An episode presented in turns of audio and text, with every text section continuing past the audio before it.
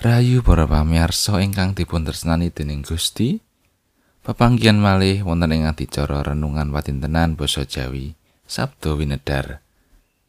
Dinten menika kita badhe sesarengan maos kitab suci kapendet saking lelakone para rasul bab 8 ayat sekawan welas ngantos selawe.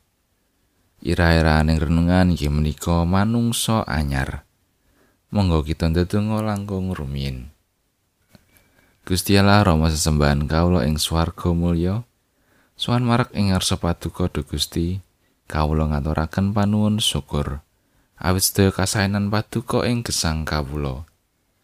Ing kalodhangan menika do Gusti, kawula nyawisaken manah kawula saperlu nampeni berkah karohanen arupi sabda pangandika paduka. Sumangga roh suci ingkang paring kegiatan lan kasagetan anggenipun kawula ngecakaken dawuh paduka. Duh Gusti tasih kathah dosa lan kelepatan anggen kawula nglampahi gesang peparing paduka. Mugi Gusti kersa ngapunteni. Wonten ing asmanipun Gusti Yesus Kristus juru wilujeng kawula ingkang gesang kawula ndedonga. Amin. Lelakone para rasul bab 8 ayat 11 ngantos selawe.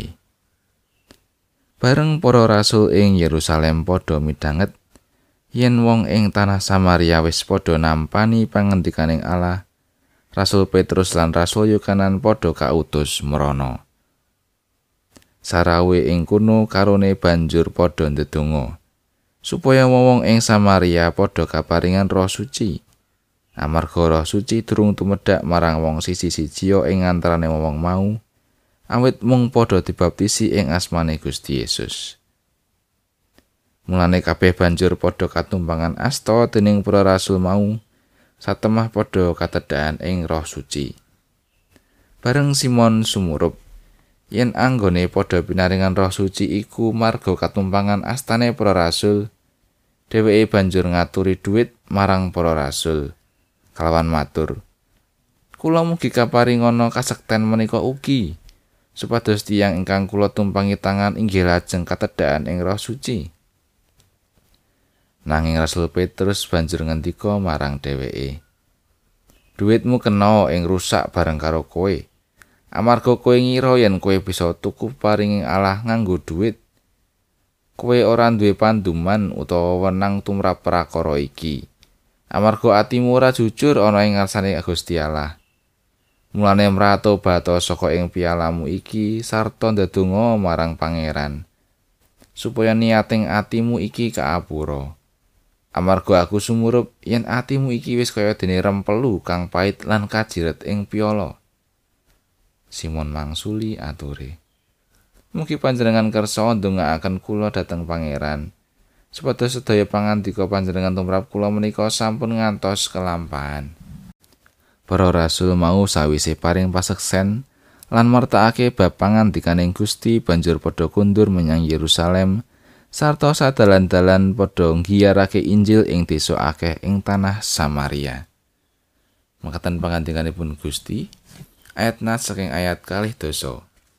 Duitmu kena ing rusak bareng karo kowe. Amarga kowe ngira yen kowe bisa tuku peparinging Allah nganggo duit. Kitab lelakone para rasul saged ugi kasebut lelakone pakaryan roh suci. Amargi estunipun ingkang dados tokoh utami inggih menika Roh Suci. Roh Suci ngagem para rasul nindakaken pakaryanipun.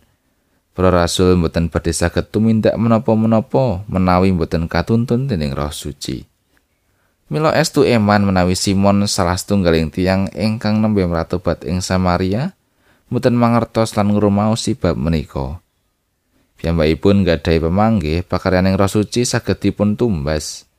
Supados piyambakipun ugi saged nindakaken pratandha-pratandha kados ingkang katindakaken dening para rasul. Sinaosa Simon sampun pratobat lan nderekaken Filipus ing pradosan. Ananging piyambakipun tasih gesang ing kamanungsan lami. Dipun sebataken bilih sadaringipun pratobat Simon kasebat wong kang pinunjul. Malah ugi dening tiyang kathah Simon menika kasebut sang pangwaos agung. Sesambetan kalian nindakaken pasihiran. Kanthi tembung sanes Simon menika saderengipun mratobat dados kawigatosanipun tiang kathah. Sampun samesinipun sak sampunipun mratobat Simon boten saged malih lan boten kepareng malih caket kalian panguwasing pepeteng. Lan menika ateges bilih sejarah ini ndak akan pasihiran kedahipun ugi sampun rampung. Sak menika piyambakipun boten malih dados tiyang ingkang gadhahi panguwaos lan menika ingkang dados perkawisipun. Piyambakipun dereng kulino dados tiyang limrah lan kepengin bayar para rasul supados maringi panguwaosing Roh Suci. Puji syukur kunjuk Gusti menawi piyambakipun lajeng purun mirengaken panyarwinipun Petrus. Lampaning gesang kita saking pertobatan dasar ngantos dumugi ing pepanggihan malih kalian Gusti Yesus mangke estunipun minangka setunggaling proses ngudi gesang ingkang suci. Gusti Yesus kepareng dandosi lan ngreksa kita supados sang saya nyami kalian panjenenganipun. Amin.